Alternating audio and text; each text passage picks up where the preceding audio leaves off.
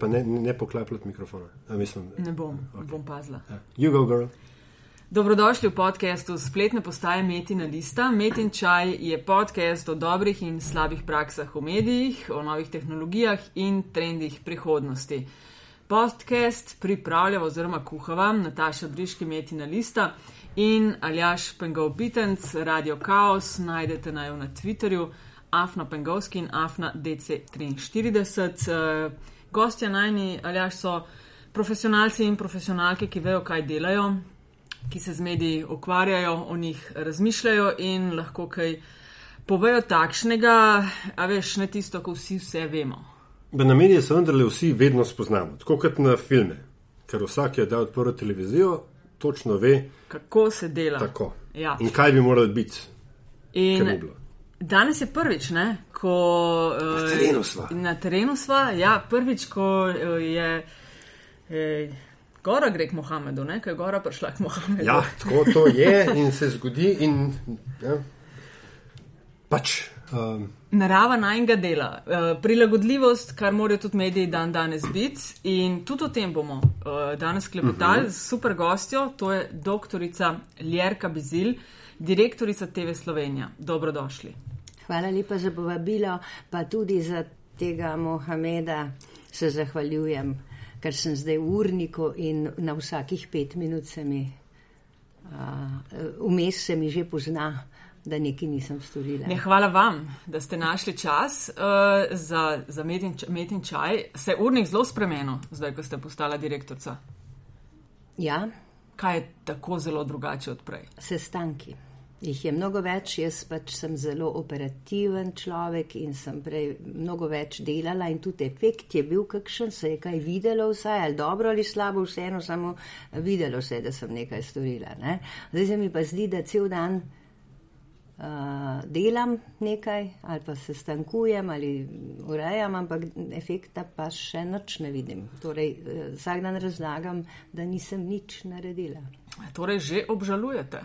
Ne, ne gre za obžalovati, sej eh, pravzaprav eh, sem se sama odločila in tudi v življenju sem se naučila, da eh, je obžalovanje brezvezno. Pač kar narediš, narediš, ne. Uh, ampak kakšni sestanki so to? Kaj se, ker to vsi reče, ko pridejo na te funkcije, da prideš iz, en, iz tistih nekih operativnih zadev, s katerimi se urejaš, bolj, ne vem, oddaje, vsebine in podobno. Pol, kaj to, z vsemi oddelki, z vsakim posebej, to se ne da nekako mal združiti. Uh, ja, uh, razli, mislim, problem je v tem, da na začetku sem pač se z vsakim oddelkom sestala, kar se spodobi, ne. Uh, zdaj pa pač. je Kje so treba- vas najbolj odprti rok sprejeli, v katerem oddelku? Uh, mislim, da sem bila zelo vesela po- povsod. Uh, zelo uh, smo na uh, podobni valovni dolžini. Uh, je pa res, da naprimer, jaz pač sem, kot sem rekla, človek operative in potem hočem tudi, da se nekaj zgodi, ne samo da se govori. Ne. Uh, potem pa pač kaj delamo. Uh, ker je plan programski in finančni za leto 2015 sprejet, je, je pri spreminjanju scheme programov potrebno nekaj več časa, ker o tem odloča 29 svetnikov. Ne? Uh, tako da smo se zelo hitro uh, lotili reorganizacije televizije. V celoti, kajti televizija Slovenija je uh, v preteklosti kupila štev, veliko sodobne tehnologije, najboljšo. Produkcijskih procesov, organizacije pa ni prilagodila. To je veliko dela in ga zdaj končujemo počasi. Analiziramo tudi oddaje, vsako oddajo posebej. Koncept, strukturo, normative. Koliko daj ima RTV, oziroma koliko jih je na TV Slovenija? Zdaj, Se to te je kaj pa- sanja ali jaš? mene vraži. Ja, ne vem, ker se, ne vem, evo, lej, tudi približno se mi ne sanja, koliko oddaj ima TV Slovenija. Tudi jaz zdaj ne bi mogla reči, ampak pre, mogoče celo preveč uh, oddaj, pa bi si želela, da so nekatere boljše in drugačne, da so bolj sodobne. Od tega, kar ste že zdaj zanalizirali, um, je prezgodaj, če vas vprašamo za kakšen primer nečesa, kar absolutno ne bo zdržalo, potem, ko bo reorganizacija zaključena. Ne, zdaj ta uh, reorganizacija je pravzaprav logistična, naprimer, ne pač povezujemo oddelke, poklice spreminjamo, uh, pravila igre. Uh, to so no. pač uh, pri odajah. Uh, nis, mislim, da nekatere zadeve bo potrebno spremeniti. Če dam samo en primer, seveda, ko smo analizirali dnevnik, ne, ta je najbolj pravzaprav poznan. Uh, ka, uh, mene, kar mene osebno uh, zadeva, jaz mislim, pač to je ob sedmih zvečer pač ni več dovolj samo informirati. Ob sedmih zvečer moraš piko na iže delati, ne? Torej, rabiš več poglobljenosti, več ozadij. In uh, moje stališče je, da televizija nacionalna mora biti uh, hkrati verodostojna in zanimiva. To je pa zelo težko. Ne? biti kredibilen in atraktiven hkrati ni tako preprosto, kot sensacionalizem si lahko privoščiš marsikaj. Tu pa si ga ne moraš, in, ampak to oboje hkrati. In, torej, ob sedmih zvečer je že potrebno kako ozadje, kakšna posledica in avtorski pristop vodenja. Tega pa nimamo. Tukaj uh, imam jaz pač, uh, mogoče so kolegi uh, bili tudi malce užaljeni, uh, ampak se niso krivi. Jaz si želim imeti voditelje TV dnevnika, ki bodo segali vsaj do kolen nekdanjim voditeljem, kot so bili Janeš Čuček, Branko Maksimovič, Jure Pengov in kot je mogoče zdaj eh, Slavko Bobovnik, pa ne gre samo za leta. Uh, tako da na nek način želim ta avtorski pristop, da so ljudje osebnosti, da to gledalec tudi vidi. Naprimer, in to je pravzaprav tudi znanje in malce moraš pa tudi biti rojen za to. Zdaj sem dolžen spoštovati, ampak uh, imena, ki ste jih naštevali, velike imena slovenske uh -huh. televizije, so imela eno veliko prednost ne, v primerjavi z današnjo generacijo. In sicer, da je bila to edina televizija takrat v Sloveniji, ki je, ki je delala. Um, pogoji so bili različni, uh, časi so bili različni, medijski šum, ne, ki, ga, ki, ga danes, ki smo ga danes izpostavljeni, je bil dosti manjši. In um, A ni mogoče, bom rekel, ne, ne, ne gre samo za to, da, da ne bi bili, ne bi znali ali pa ne bi bili sposobni kateri od njih, ampak da enostavno se je ne, medijska scena to, to zelo spremenila, da, da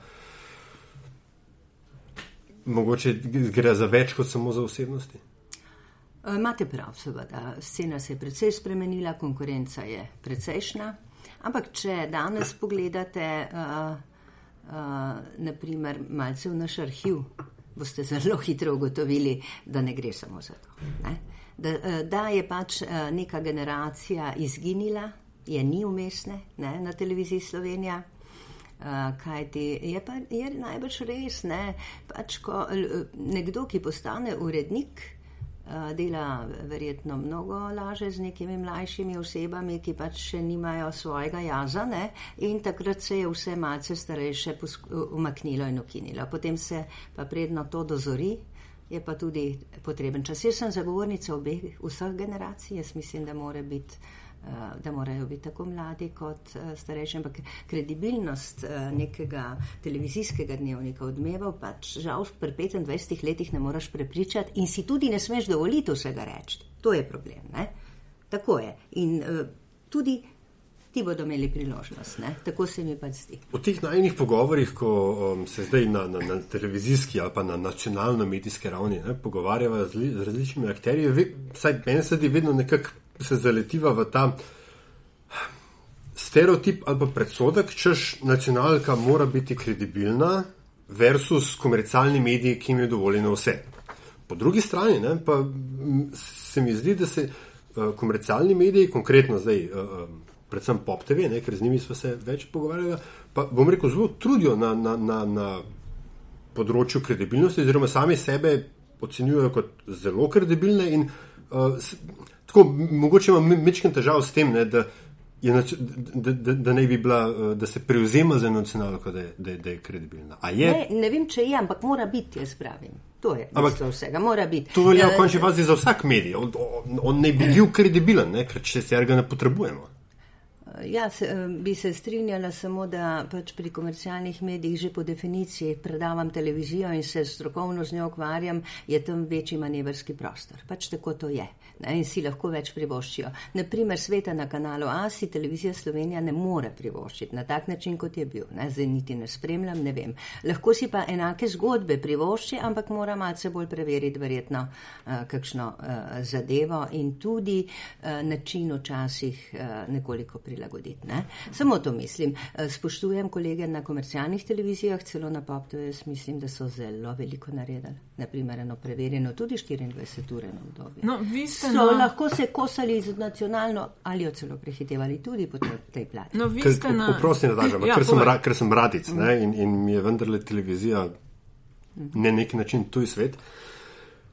Kaj to pomeni?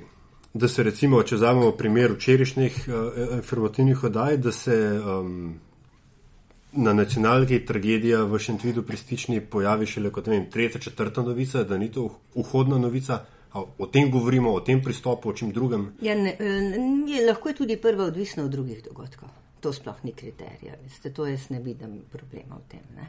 To ni kriterij. Sem pa tudi jaz bila radika na pet let. No, no, to, to, to. Sem navdušena nad radijem. To je pa balzam za ne, televizijskega novinarja, ki pride na radio. No, meni je to zanimalo, ker ste omenili 24 ur dajo. Mm. Jaz sem pa tam bila od vsega začetka, vi pa ste na RTV koliko ja, ne bom že celo življenje. Ja. No, skratka, zelo dobro poznate mm. situacijo. Bili ste novinarka na, v informativnem programu, vodili oddaje, urejali oddaje, postavili na noge parlamentarni program, dobro jutro. Utrip. Utrip, eh, prava ideja ste mm. uh, urejali. Skratka, precej dober različne aspekte. Kaj je po vašem mnenju takrat delala nacionalka na robe, ki se je pojavil po TV in 24 ur? Ker je v nek, ni do velik let trajalo, da ste zgubili gledanost, uh, da je zdaj razlika v gledanosti osrednjih informativnih programov 3-1, skorda, mm. če ne več. Ne? Um, Ali je to tisto, kar ste Aljažu razlagali, da je težko biti vem, kredibilen in zanimiv? Ali... Mislim, da televizija Slovenija tega ni znala, da ni šla v korak s časom.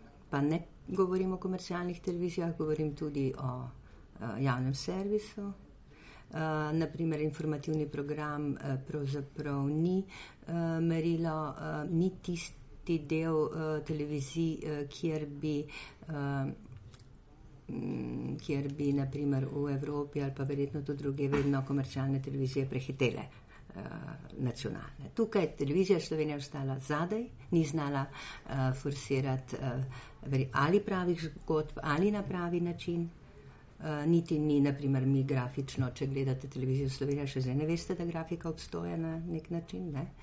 Uh, tega nismo znali uh, in mislim, da se je uh, po teh uh, letih, tam po 95, zdaj ne vem, če sem čist natančna, pač ta avtorski pristop izgubil.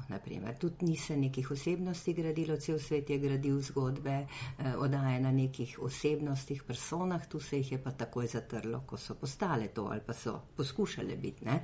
ker se jih najbrž ni obladovalo in se jih je potem raje umaknilo. Ne? Mislim, da je to zelo površinsko, ampak da je to tudi. Ampak, ko imate pri tem koga konkretno v mislih, je to tisto, kar ste rekli, da, da ni več tistih kadrov, da je vmes ena luknja. Ja, verjetno je to to. Ja. Verjetno je to to. Ne? V menih primkih sami veste, težko govoriti eh, samo o tistih za nazaj, ki so bili dobri, pa z veseljem. Naprimer, pa vendar, koga bi radi videli na nacionalki, zdaj pa ga ni če ne bi bilo ver, koga bi pripeljali, kupili. Ne, se bi, če bi, če bi to, to bi tudi storila zdaj, naprimer, če bi se mi zdelo. Jaz mislim, da imamo dovolj, da imamo kar nekaj kadrov, ki so lahko tudi zelo, zelo dobri, ampak da mogoče niso na pravem mestu.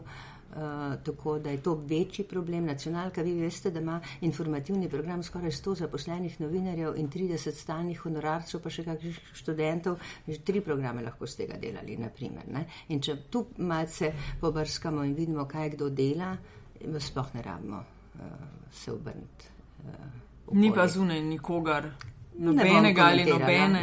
Prav gotovo je. Tudi Nataša Briški bila idealna, naprimer, za naš multimedijski center. Aha, Eh, Si bi jo zelo želela imeti tam, naprimer. Ne? Če bi- Kaj rečeš, ne- ja, ne, ne pozabi, Na da prijatelje. so v ne, paketu. Tako, ja. ja. Um, Izsiljuje paket. Ne, Ampak njega ne poznam. A je eh, ta, um, a, a, se ne Ja. spodobi? Pengo, a, a, ja. Vse lahko povem. Kakšne so rodstvene veze? Takšne, prim, primkovne, tako da A, samo primkov, ne? ali tudi siceršnje? tudi siceršne. Mislim, kaj, kaj se že naš, kaj se že najde. A ja, najbrž, vidiš, najbrž ne vidiš, veste, ja, ja, ene, ene, dv- dva tedna nazaj sta se, na, se midva na hodnikih te iste stavbe videla. Tukaj. Tukaj, ja, Kaj pa ampak, ja? ampak uh, ste mojega očeta na hitro pozdravili. No, ja, tako, zdaj je vse jasno, zdaj, okay. zdaj, zdaj to že čist Čisto inside. domači Potem ni on eden tistih, ki imam jaz nekoga doma, ki pravi, kaj, da se nisem rodil v neki mizarski družini, da sem se v neki medijski, bi tam zedilce zlagal, pa, neki, pa bi živo normalno. Ko brez- more pa snemati, pa v mami brata, Tako, to. Ja, ja. no, um, Ej, Sam to, ja, sam to izvoli. Bi delala. lej, eh, en- To naj zanima, naj recimo ful ta eh, parlamentarni program, pa tretji. Ra, mislim, se, ravno, ravno to sem hotel vprašati. Da po eni strani pravite, da imate v info, program, v info redakciji ljudi za tri progr- programe. Ne? Po drugi strani a, pa je tretji parlamentarni, eh, smo, tretji kanal, ki je potem postal parlamentarni, čeprav razumem, zdaj v bistvu to od državnega. To, to boste morali mečkam pojasniti. Ok, dajmo začetku. Tretji parlamentarni program, oziroma tretji program RTV Slovenija. Čigavo to je? To je prav tako kot prvi in drugi program eh, stvar uh -huh. RTV Slovenija, eh, s tem, da je pač nastal na podlagi zakona, eh, ker, je, eh, ker so v zakon zapisali, da pa televizija to pač mora imeti, tako kot mora imeti prvi in drugi. Da je to pač parlamentarni, ki spremlja predvsem delo državnega zbora. Državnega sveta, Evropskega parlamenta. Eh, Mi smo tu razširili zadevo, eh, eh, pač za čas, za termine, kot državni zbor ne mm. zaseda in smo tudi na programskem svetu že dosegli odločitev, da se poveže z informativnim. Že dve let nazaj. Ampak je to projekt, ne? Uh, ker uh, in, uh, TV103 funkcionira kot sodobni newsen, te mm, programi po svetu, tudi na ta način je notranje povsem digitaliziran, novinari delajo malce drugače kot v informativnem, ker bolj malo manj po terenu hodijo, ampak delajo pa zelo na sodoben način, so tudi multiupravilni, medtem ko informativni tukaj mogoče ni tako daleče. Pod multiopravilni. To Ja. pomeni, kaj, da znajo malo posnet, zmontirati in pred kamero se postaviti ali kaj drugega Ne, znate. samo to, samo to. Ampak to pač pri nas zaenkrat, čeprav je to eh, v normalnem svetu najbrž lahko tudi sestavni del poklica, da si ti pač eh, neko papirnato montažo danes na računalnik narediš, včasih si pa listke rezo pa lepo, ne. Eh, Danes nekdo ne more v prehodnih obdobjih rešiti drugače, kot da jim damo multiupra- da jih imamo za multiupravilne, ne. Ker je vedno so odpori, se jih so bili na BBC-ju tudi, naprimer, so dvakrat začeli, ne. Meni kot politologu po izobrazbi se zdi ideja parlamentu oziroma odločevalcem posvečenega posebnega kanala fenomenalna. In, in bom rekel, je bila pozna. A? In hvala Bogu, da jo imamo. Um, hotel sem, neke vrste C-SPAN, no? Da, da tako rečem. Uh, Sispen, da razloživa, to je kanal ameriške, uh, ameriški nacionalni kanal. ja, ne? ki je v bistvu non-profit in v bistvu iz privatnega sektorja je prišel. Ne, če, Ja, veš, da ne vem. Ja, no, ampak ja, točno, ampak skratka, skratka, spremlja delo kongresa in celo, zdaj ima celo dve, dve mreži sta in, in, in tako dalje. Um, ampak uh, sem pa, no, hotel sem to, to vprašati, a še imajo poslanci, parlamentarci svojo minuto? Ne.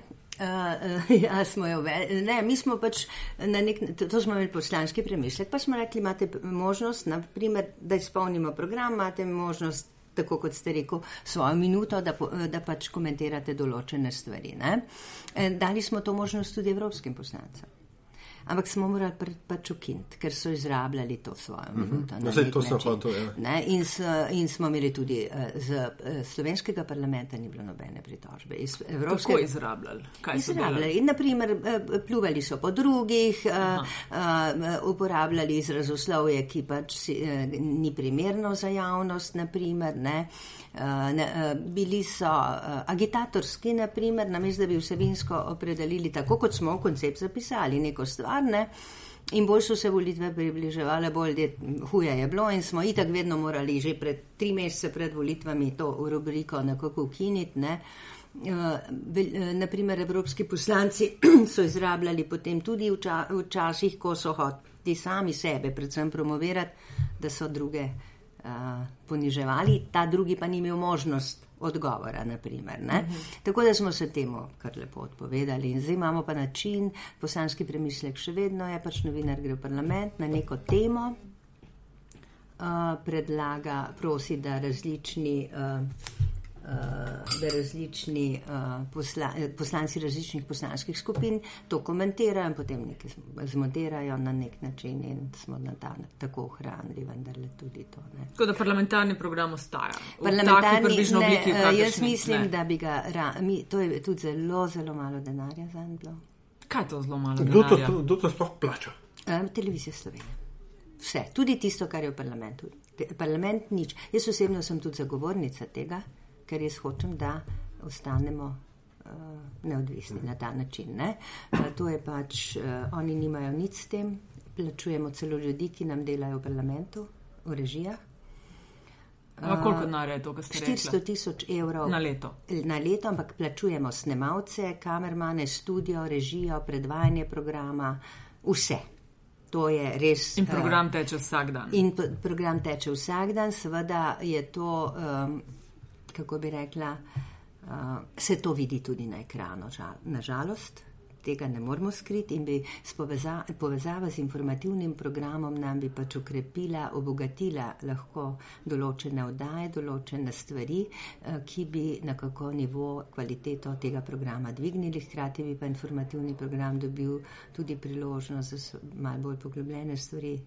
Ta parlamentarni program se mi zdi, da ste izkoristili malo tudi za šolanje nekih ja. Eh, novih mladih kadrov, se ste sama rekla, multioperativnost eh, po eni strani, po drugi res verjetno teže starejšim kolegom, ki so vendarle bolj tudi renomiranih. Eh, zdaj boš pa ti še malce snimal, pa montiral. Klej, si predstavljam, da je revolt. Ne, se ne. ni, ne, sploh ne gre za neko uh, snemanje, to je drugatnega pomena montaža. Montaža pa itak to ni montaža, to je pač uh, lahko samo priprava. Uh, Da olajšaš delo potem montažerju. Ne, ne, pa si, si si prej tudi moral iti po, eh, s kaseto si šel ali pa s čimerkoli v montažu si pogledal, kaj boš uporabil, kaj ne boš, si si kode napisal, eh, si si tekste prilagodil, ne. Zdaj pač to si lahko no. na računalniku narediš in pol manj časa porabiš, ne. Mhm. Starejših ne obremenjujemo s tem. Mhm. Je pa tako, da pravzaprav tretji program nastal iz Dobro jutro. Mi smo že v Dobro jutro ovajali. Uh, vse te nove trende uh, in tako naprej. Uh, in uh, ravno zaradi tega so tudi mene tako angažirali. Mi smo, televizija postala računalnik, bi človek rekel, na vednicah v dobro jutro. Uhum. In smo imeli tudi imič, da je to zdaj neka brezvezna oddaja, ker to ni nivo nacionalne televizije, računalnik, lepo vas prosim. Tega pa mi nikoli ne bomo uvedli, so mi razlagali tehniki. Ne?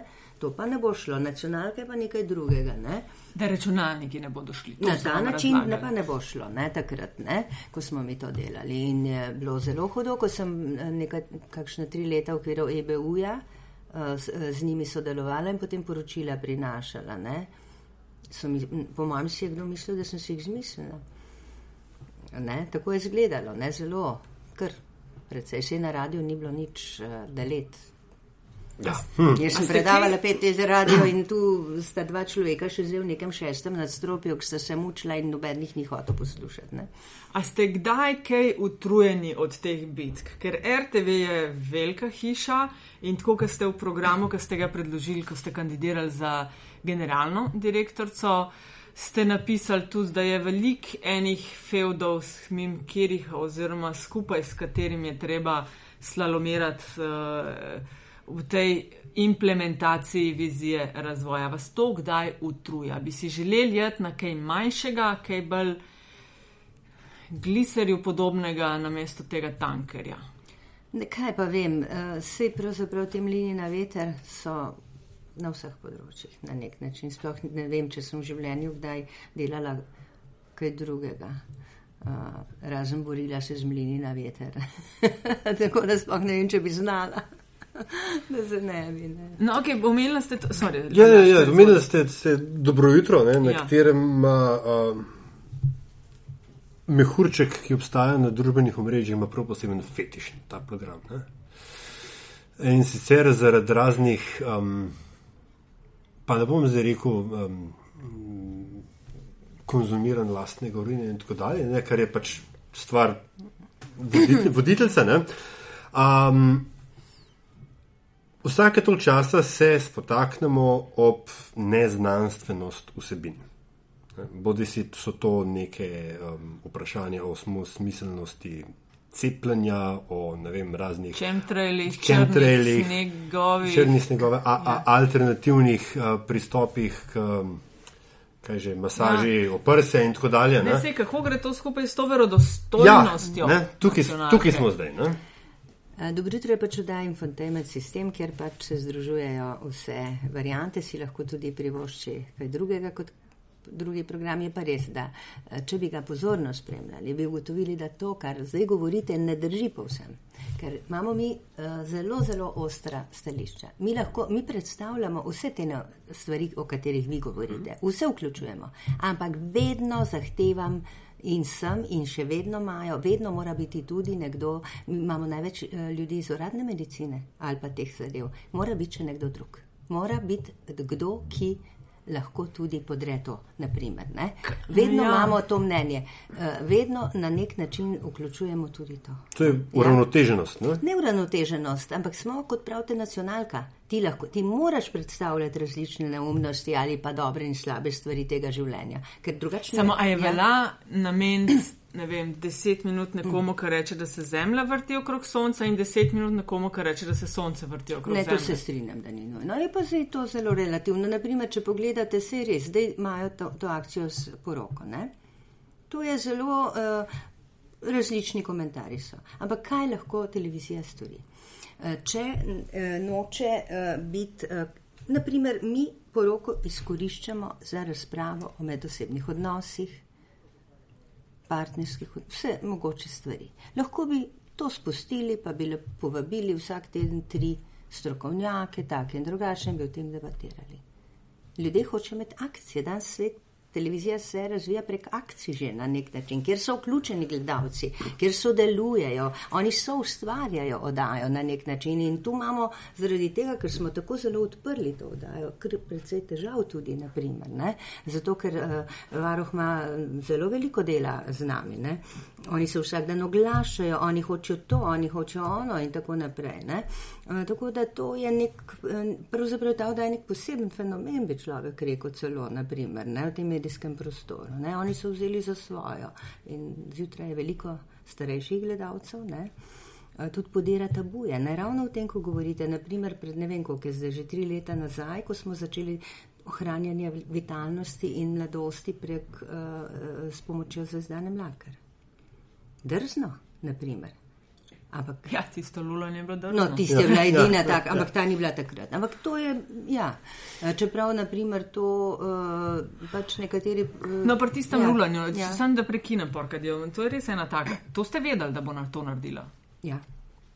Tako vprašala vas je, se vam zdi Ne, mene smiselno? ne, no, ampak Ja, ja, ampak- sem vedela, da bo naredila. Ja. Ja, kaj, še- to so bili Ali je bil, odzivi. ali je bil vsaj efekt v smislu gledanosti in. in, in, in Ne, in, jaz si tudi ne gledamo na to toliko. Naprimer, zdaj, ko je poroka, je zelo dobra gledanost. Eh, Dobro jutro je najbolj gledana vdaja do sedmih zvečer na televiziji Slovenija.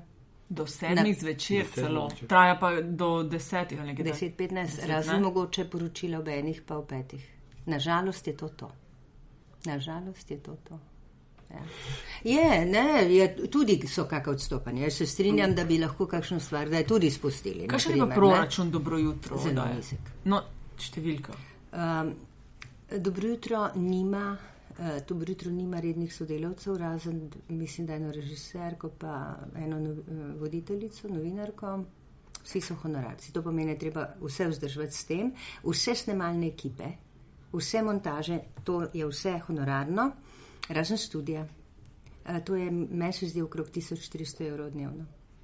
To na koncu šteje sem slabo za matematiko, pride do teh 400 tisoč, koliko Ne, to je. pa ni, to, je, to ne sodi. Vem, da ne sodi, To je, ampak če to je pride do te višine. 200, ne, o, 200, ne vem koliko, 205 oddaj letno, je okrog, ne vem, 300 tisoč. Aha, se pravi, S tem, da morate vedeti, da je pa Brutro tudi uh, ena redkih oddaj, ki se je oglaševal skupaj, poleg moje Slovenije, edina pokrila ne? Na televiziji Slovenije. Ne? Kaj pa prava ideja?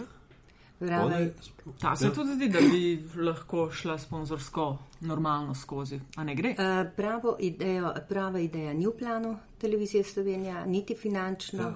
niti uh, ni, uh, je pa evropska sredstva. Že dve leti smo na evropskih sredstvih s pravo idejo, sva se s uh, urednico Cetinski zelo potrudili, da smo dobili evropska sredstva. Za njo prej je bila eno leto uh, sponsorska in tudi nastala je tako, ker mm. televizija Slovenija je imela stališče, da takih oddaj ne potrebuje, ker so pozitivne, ne? promovirajo nekaj. Ne? Ja. To ni afera. Ne?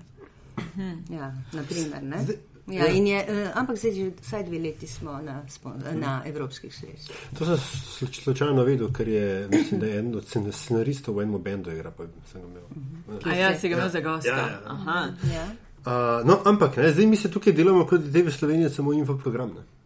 Pa še zdaleč ni tako. Pa? Čeprav vsakeč, ko je TV Slovenija na prepihu, je večinoma na prepihu infoprogram.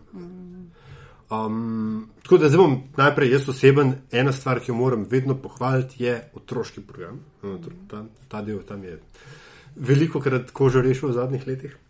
Uh, ampak uh, kaj pa tudi, no, reč, tudi ko se rezerve išče, se jih vedno išče v infoprogramu. Ljudje je treba odpustiti ali tako dalje. Vem, sej, v, Vsaj v, zadnja leta ni bilo tako. Informativni program se je močno ukrepil, eh, v svetu se je lahko pocenil, bi človek rekel, ker se je tehnologija poenostavila in ko imaš enkrat infrastrukturo, lahko vložiš še samo kadre. Ne? Ampak to ne tako, da jih imaš stopa, so vsi poprečno plačani, ampak jih imaš vsaj enih 70, pa naj bodo vsi dobro plačani, če so mm. dobri. Ne? To je moje stališče. Ne? Ni, ni res. eh, Da se je tam krčilo, sploh ne pri nas, se je eh, največ kršilo eh, na razvedrilu, Uh, zdaj, naprimer, letos je velik problem, ker uh, smo zaradi nekih bilančno knjigovodskih zadev morali zamakniti uh, produkcijo filmov. Tako da letos jih bomo zelo veliko objavili, ki so jih naredili v prejšnjih letih, ki jih prej nismo mogli, ker se to računa iz, na poseben način, gre v stroške. Uh, delali jih bomo pa malce manj, lahko letos. Ne. To je velik problem. Jaz uh, tudi um, mislim, da je zelo velik problem po vseh teh analizah, ki sem jih uh, doslej lahko naredila, da mi na televiziji Slovenija vlagamo v neke pre, eh, produkcijske enostavne vdaje, tudi vsebinsko ne tako zahtevne. Kviz, ve govorite o kvizu, vem. Ne, govorimo o svetovalnih oddajah, različnih in tudi mogoče še uh, kakšnih informativno-kulturnih in tako naprej. Neizmerno veliko denarja. Tako da si potem ne moremo privoščiti nekih zahtevnejših projektov. In to, tu moramo to razčistiti, strokoven pristop, zdaj, zato tudi analiziramo zadeve, da tipsko oddaje postavimo, da povemo, da za scenarij, za neko svetovalno oddajo ne moreš dobiti 800 evrov. No, če bi svetovala, bi se mi zdelo to fair. Jaz naredim za Cena, 400. ne? Evo, Ja. no. Um, vedno pozabim, a je šport da se je to združuje. Kuk, zdaj se to na prvenstvo v Vejlu, to je sploh tvoje področje. Ampak kako zelo svoj svet, svoj planet je šport, športna A, redakcija? jaz sem, kako bi rekla, precejšna ljubiteljica športa a, in se zavedam njegovega tudi širšega pomena a, za neko nacijo, naprimer, ne? A, in se precej s tem tudi zdaj ukvarjam. S katerim delom se je treba ukvarjati? Ja. Z rezanjem stroškov, eh, z reformiranjem oddaj, s katerim delom se A jaz ukvarjate? uh, ukvarjamo se z vsem, največ z Miranom Mališičem trenutno, če se malce pošalim. Eh, ne, ne, Kolebate med tem, da bi še več prenosov komentiral in še več oddaj vodil ne, ali ne, ne? tu, ne, nikakor ne. Nikakor ne. Uh, ampak, uh, kar uh, Miran Ališič je človek, ki veliko ve, to mu noben ne sme vzeti, uh, je razgledan, uh, je pa verjetno uh, glasovno in pri načinu komentiranja malce naporen, kar precej. Uh, in seveda pa stvari ni mogoče čez noč urejati, ker jih tudi jaz nisem postavila, jih tudi urejam malce dlje časa.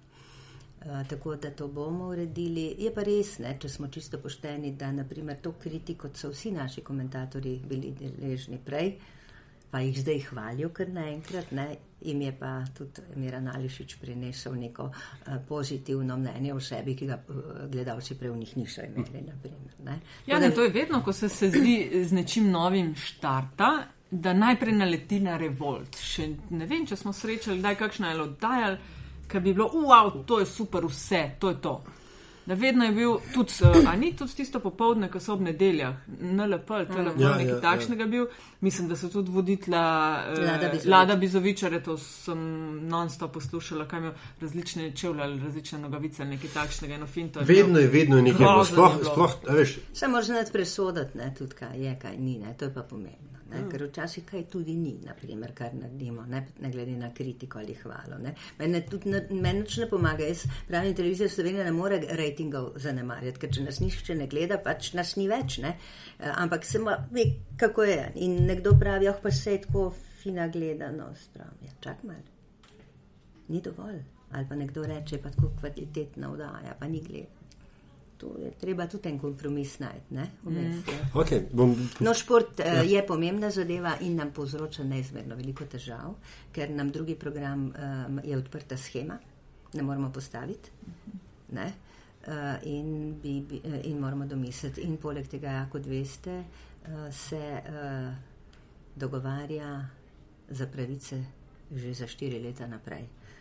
Aha, zdaj o, obnavljate Ne, dogovore. ne, nekateri se, nekateri ne. Vsako leto nekaj pride, naprimer. Ne, se treba odločiti, kaj boš imel, kaj ne boš imel. Ne. Uh, in uh, tudi uh, finance vedno dražje so. Ne, šport je vedno dražja zadeva. Včasih pravim, pa kako to reklamo objavljamo, vse bi oni morali nam plačevati, ne menim, ne. če bi bili pošteni. Ne. Uh, je, pa- se pa zavedamo uh, in tudi imamo neko politiko, smo zdaj postavili na tem področju, tako da računamo, da uh, bomo nekako uh, bolj premišljeno to področje peljali naprej. ne. A je, ko postavljate te politike, ki jih zdaj omenjate, to zelo težko, ker recimo v vašem programu ste veliko govorili, da je treba dajati prednost strokovnosti in strokovnosti. Ja. Hkrati pa je nacionalna televizija, ima svoj programski in nadzorni svet, preko katerega se tako rekoč nič večjega ne da. In Zdaj, praviloma, mogoče pretiravam, ampak eh, notri ne sedijo izključno ljudje, ki bi vedeli, kaj in kako v medijih, ampak ljudje, ki so z razlogom postavljeni v te odbore. Eh, Eni po strankarskih linijah, enim se reče, da jih civilna družba imenuje, pa so tudi dve, iz katere interesnih skupin so. Skratka, bolj malo se zdi, da je tistih, ki jih res zanima, oziroma ki vejo, kaj je v medijih. Vi pa morate z njih prepričevati in prek njih pelati te spremembe. Ne? A se Ja. bo dalo to? Uh, jaz mislim, da uh, nadzorni in programski svet so vsaj, jaz sem mis- ne vem, že na osem let sodelovala oziroma vsaj poslušala jih, da, da razmeroma so uh, tokrat ljudje, ki, s katerimi se da. So tudi kakšni, ki so bolj Ker, zaradi tega sem to omenila, da ne bom takoj fasala jih, ker se vedno, tudi ko so bile zdaj kandidature za generalnega direktorja, pa za direktorja radia in televizije, se vedno preštelo, še preden je samo glasovanje, se vedno vedlo že vnaprej, kdo ima koliko glasov in ponavadi so, približno se je dalo po teh partijskih blokih. Samo je tako, da se to vsake dve leti spet spremeni. Jaz osebno mislim, da je treba uh, strokovno poskušati tudi do njih nastopati, ne? Nujno se Uh, zdi to in absolutno. jih prepričati, da pač uh, je bil pa problem pa v preteklosti, mogoče malce tudi drugače, ne, da so uh, kolegi na televiziji, posamezniki, uredniki, avtori imeli vsak svojega svetnika, se je šalimo na vednicah, ampak je kar precej resnice. In, mogel, eh, in je bilo zelo težko, naprimer, z nekim eh, razvojem, z napredkom iti naprej, ker so si oni tam pridobivali zaveznike in to zato, da je televizija obstala, ne zato, da bi šla naprej. Ne. In zdaj, če to poslušaš, jaz osebno si tega ne dovolim. Kar izvoli, ampak argumentiraj zakaj. Smo spet- Zato, da damo eno svetovalno dajo toliko, morda kot eno tarčo za pol ure ne? ali 25 minut. Če si tu pridobiš svetnika, potem jaz nima, nisem več direktorica. Ker me ne zanima, ker se jaz ne grem igrc. Jaz hočem, da z te hiše nekaj naredimo, ker če ne bomo naredili programsko in organizacijsko, nas bo nekdo porušil in gledalci med prvimi, ne samo politika. Ne?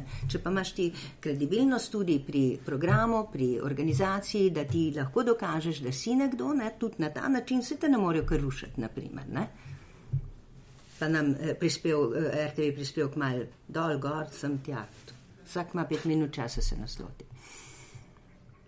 Tole sem zapičil. A Sem jaz zdaj vas prav razumel, da v hipu, ko ne bodo samo vaše ideje šle do, ali pa pač bile do, do programskega nadzornega sveta, da, boste, da boste odstopili? Ne, da bom odstopila, ampak govorim, da to je brez veze, to ste tudi vi tako skrajno črno-bela slika. Ampak pravim, da na nek način, če bi, ne, če bi me začeli izsiljevati, naprimer, ne, pa da vidim, da eh, pač imam svoj prav. In jaz verjamem, da sem tako močna, da lahko z argumenti in svojim znanjem tudi prepričam svetnike, ne, da mi zaradi takih zadev ne bo treba odstopiti. O vrtičkih, ne, v bistvu smo zdaj govorili o vrtičkih. Uh, še en tak kliše se drži nacionalke. Ne, uh, da vam to jaz rekel, je malo hecen, ampak nepotizem. Ne. Ja, ja. Ne? A, koliko je tega zares in koliko je to, pa rekel, fama?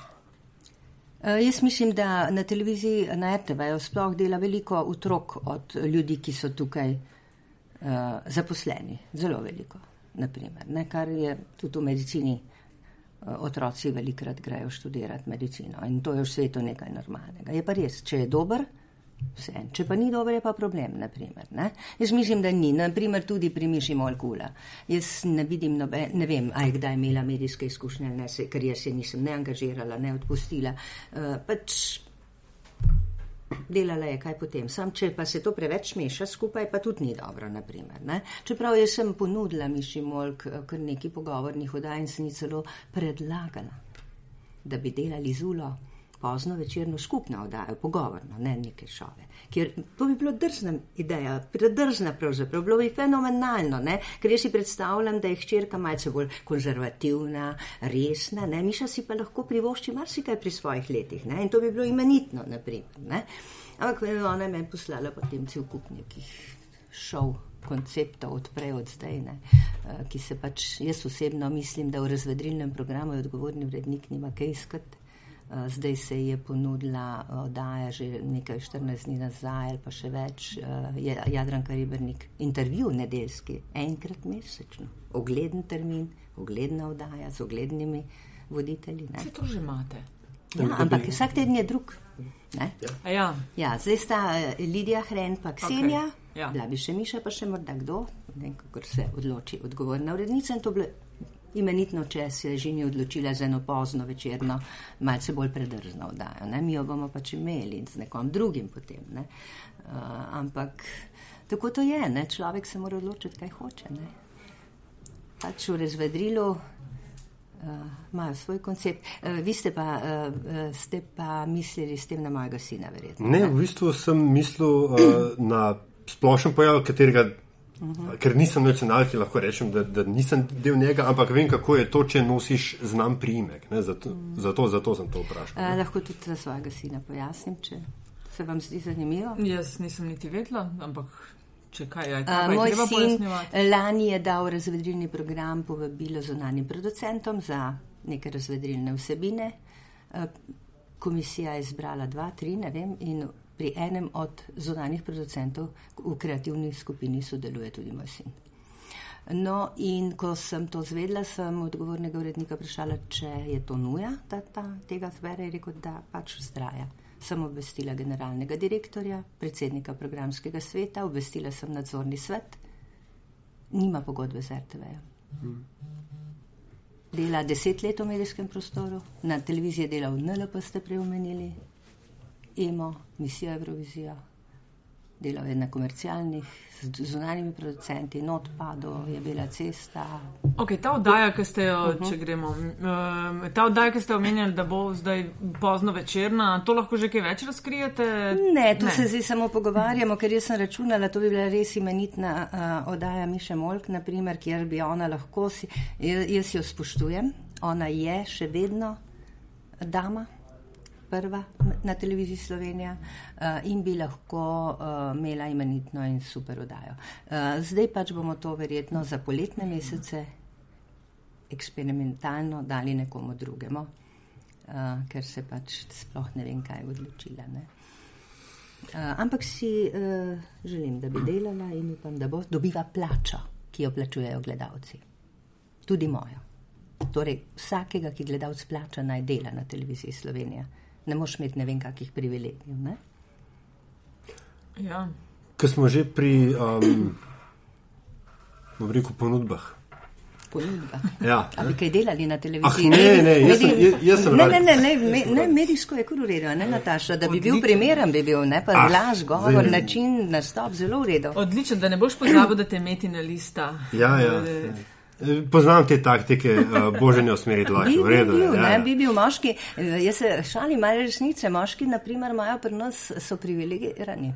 Ja? Ker jih je tako malo, vsega vzamemo, ki je primer, ne vsega, no zdaj se šali malce. A to vama, res pa... je ta feminizacija poklica, o kateri se govori, da so zdaj moški, ki se jih išče v, sploh na televiziji, da, da mal več. A vi veste, da je, jaz, ko sem se ukvarjala z zgodovino televizije, Na, naprimer, tam do leta 70,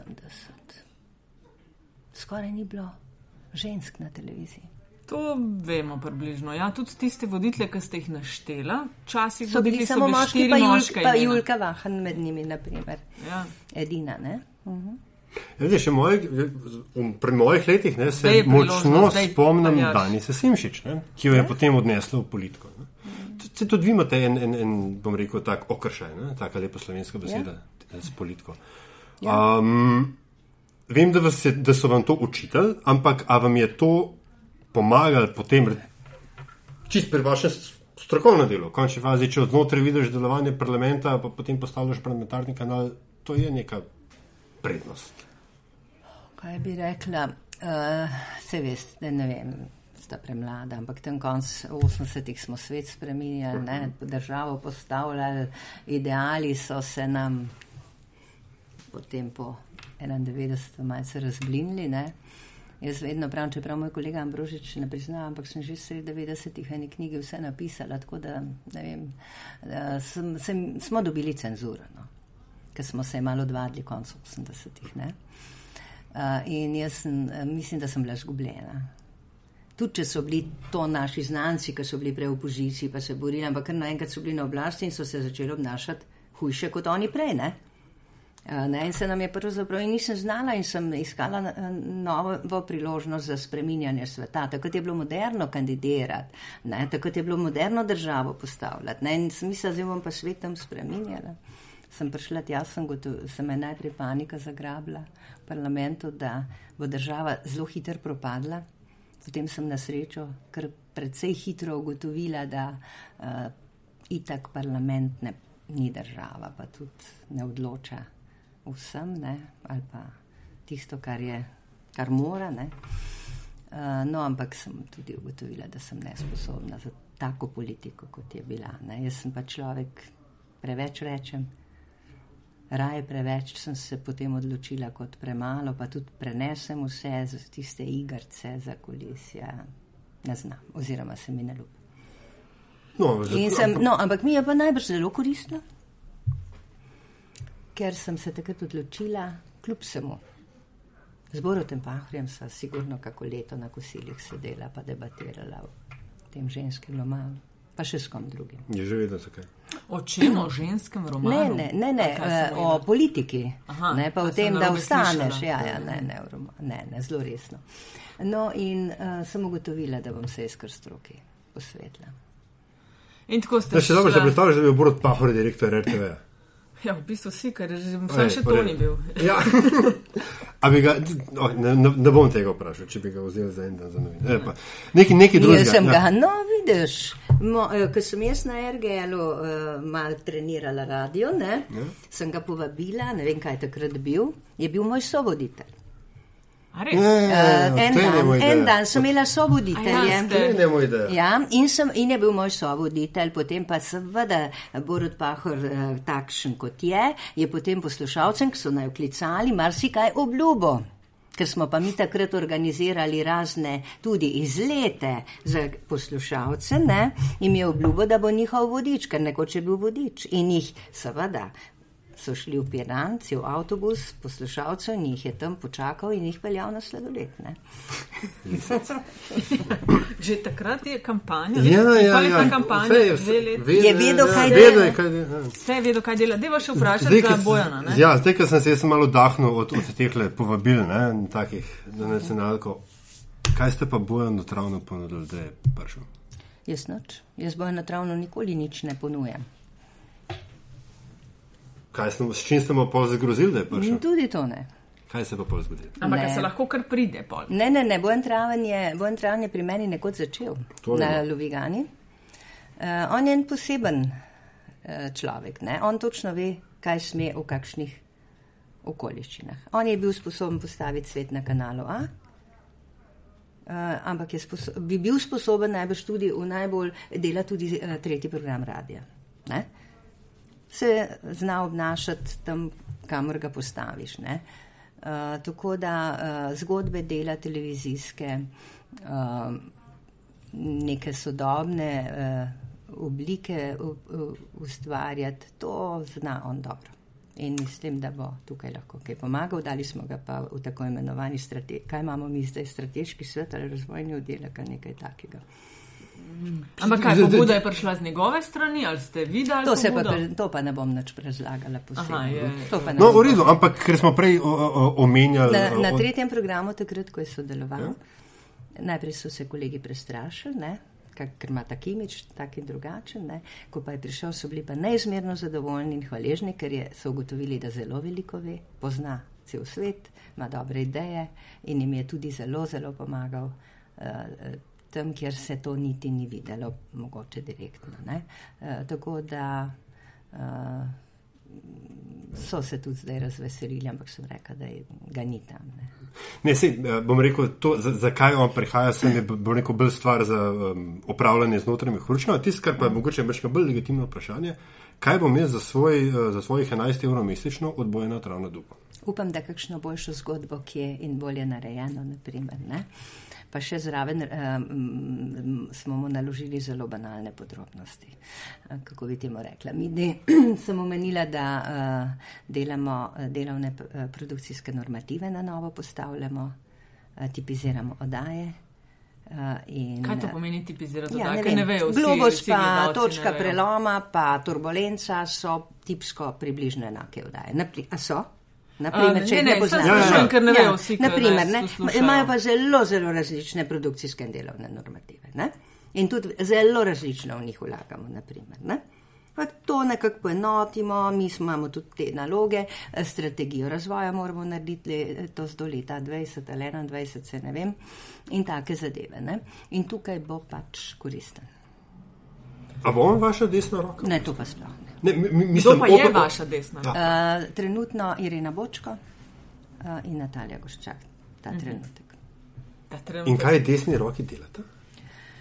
Uh, Irina Bočko je hm, pravzaprav eden najbolj dragocenih kadrov na televiziji Slovenija, ki ga nobeden ne pozna, najbrž ne, uh, ker, je, ker se ukvarja s financami, ker se ukvarja, bila je tudi glavna producentka, naprimer, ne, uh, hiše, uh, ker se ukvarja pravzaprav z vsemi stvarmi, ki zadevajo ne, vem, tudi, mi, ne, ne morem vam razložiti, kaj vse imamo. Mi moramo paziti, koliko AVD eh, mesečno objavimo, takih zuna, od zonanih, onih, tretjih. To je cel kup ene statistike, to je cel kup nekih uh, tabel in vsega živega. Mi moramo zdaj le e-račune uvajamo, naprimer. Ne. Potem, uh, naprimer, ceno minute moramo uh, postavljamo informacijski sistem, pa tako naprej. To so take stvari, ki jih gledalce seveda ne vidi ne. in zahtevajo zelo veliko znanja in energije. Uh, Natalija Goščak, tu je bilo več dilem, se ukvarja z, uh, s temi. Uh, Mislim, programskimi zadevami se bi rekla, da od tega, da nekako nadzira, vi veste, koliko oddaje tukaj smo prej rekli, da jih še prešteti ne znamo. Vsak uh, avtor, uh, urednik si izmisli, da so do predolge, prekratke, jaz ne vem. To je cel kupenih takih, s programom imamo veliko problemov. Uh, tudi kombinacija prvega in drugega programa je katastrofalna in mi zdaj le počasi delamo terminske načrte. Ko sem jaz postala direktorica, sem prosila decembra, plan je bil prej sprejet, če bi lahko na podlagi sprejetega programskega plana mi povedali, kol, koliko tega plana mi po produkcija televizijska pokrije. Vedni vedo. Ne? Tako mi zdaj terminski načrt, to je schemo, pravzaprav playlisto delamo do junija. Zdaj le bomo že za, uh, naredili do poletja. Prej se je delalo to mogoče samo za krajši čas. Uh, in je potem bil cel projekt, kako. Skratka, zares se bo videlo, kaj je doktorica Ljerka Bizil uh, dela na televiziji, najprej tam nekje jeseni te spremembe, ki jih počasi ali mogoče še kasneje. Rada bi, seveda, čim prej. Ja, vem, pa traja. Ne, da, Pa da traja, se... jaz si želim že, da vsaj poletni program uh, poskušamo nekoliko bolj pester pripraviti, kot smo ga prejšnja leta. Smo se tudi dogovorili, da delamo vse normalen program, kjer je le mogoče, razen najbrž razvedrilnega, ampak informativni do konca, do parlamentarnih počitnic oziroma do konca julija, naprimer. Kaj, ker pač prej se je nehalo vse že junija. Ne? Uh, in tudi drugi program ukrepiti, uh, rada bi čim prej, če bo pa to. Da, Realno pa kdaj? Jeseni se bojim, da ne, dovolj do, da ne bo dovolj vidnega, da bo pa leta 2016 se pa moralo že kaj zelo dobro poznati. Dobro. Preden zaključimo, general je nama povedal, da bi za koliko en evro pa pol za dva višji prispevek pomenil, da je lahko nacionalka brez oglasov. Nekako tako, ja.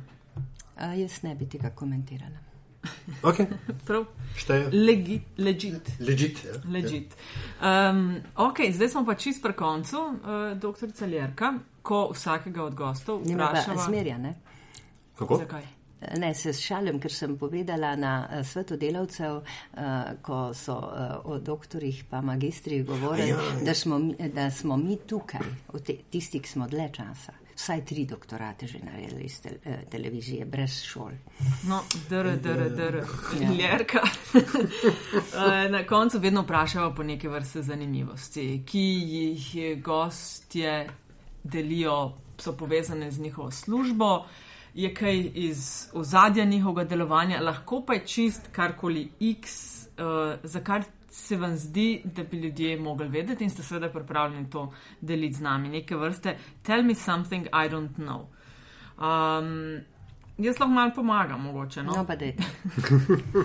Ker sem že tako stara, imam veliko. Ne, eh, ne, ne takih. zaradi tega, ampak ker nisva vprašala, pa vem, da, da sva rekla tudi bi. Ne, ti si znamenit, ko klikneš v Google ime Ljerka Bezil, se pojavi zelo visoko YouTube posnetek eh, vašega intervjuja z eh, Janezom Janšo, v katerem, ki ste ga zaključila z zelo. ne vem, takim pe- 50 sekundami, kako se zdaj naslednjih 25 let pa z njim več ne bi na ta način ukvarjali. Uh, lahko kleke, ali jaš ti pa Ne, bi kle dodatno kaj vprašal? Moje vprašanje je, bilo, kaj je pesnica s tem mislila? Jaz bi sam rekla, a se vam ne zdi, da sem imela prav? Da se morda ne bom jaz dočakala, ker sem že tako stara, vidva bosta, da se bosta še 25 let z Janezom Janšo ukvarjala na tak način, kot se ne bi bilo treba.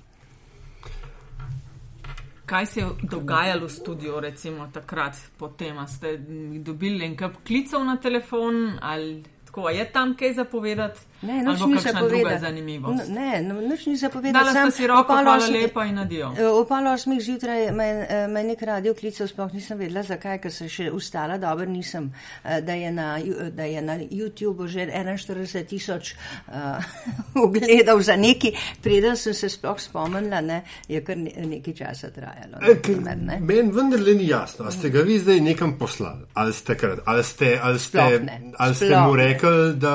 Uh, da se drugi z njim narobe ukvarjajo. Da ga, da ga, zato sprašujem, kaj je pesnica s tem mislom. Ne, jaz eh, samo želim, da so stvari črno na belem in da, se, in da se ni treba z njimi ukvarjati. Ker sami si, vsak je po svoje razložil, pa sploh ne bom več razlagala, kako in kaj. Uh, jaz, Ampak reakcija vaših kolegov je bila. Veste, nekaj drugega vam bi povedala, da, da tukaj, ko poskušamo nekako spoštovati tiste, ki zelo veliko delajo in ki dobro delajo, ne, se nam potem dogaja, ko jim rečeš naj poročilo o delu napišejo, kdaj je kdo kaj naredil, kdaj je bilo objavljeno, koliko je dolgo pa kje je bilo objavljeno, ne, ti skoraj, aktiv, ti skoraj da menda aktiv novinarje vzkličajo, ker kratiš njihove pravice. Pa veste, da imam toliko dela, da je to eno ozadje, naprimer, ki vam mogoče več pove kot cel naš pogovor. Ne?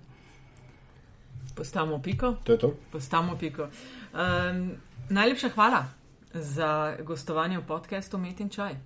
Hvala za vse, kar ste delili, kar boste naredili, uh, ideje, vizijo in pojasnjevanje kakšnih dogodkov. Hvala vam, da sem lahko bila vajna gostja. Super zanimivo. No, spoštovani, če ste uživali in more biti tudi kaj novega izvedeli ob poslušanju podcasta Met in Čaj, bova, bomo veseli vaših tweetov, uh, downloadov in sharov, komentarjev in predlogi, kako bi bili lahko še boljši, pa dobrodošli na infoafnametinalista.si. Če želite ustvarjanje podcasta in vsebin na metini listi tudi finančno podpreti, lahko to storite na povezavi, ki je priložena na spletni strani. Prisegamo, da z vašimi investicijami ne bomo financirali pornografskih kanalov, ne bomo se šli tajkunskega odkupa metine liste in tudi ne razmišljamo o prevzemu RTV Slovenije.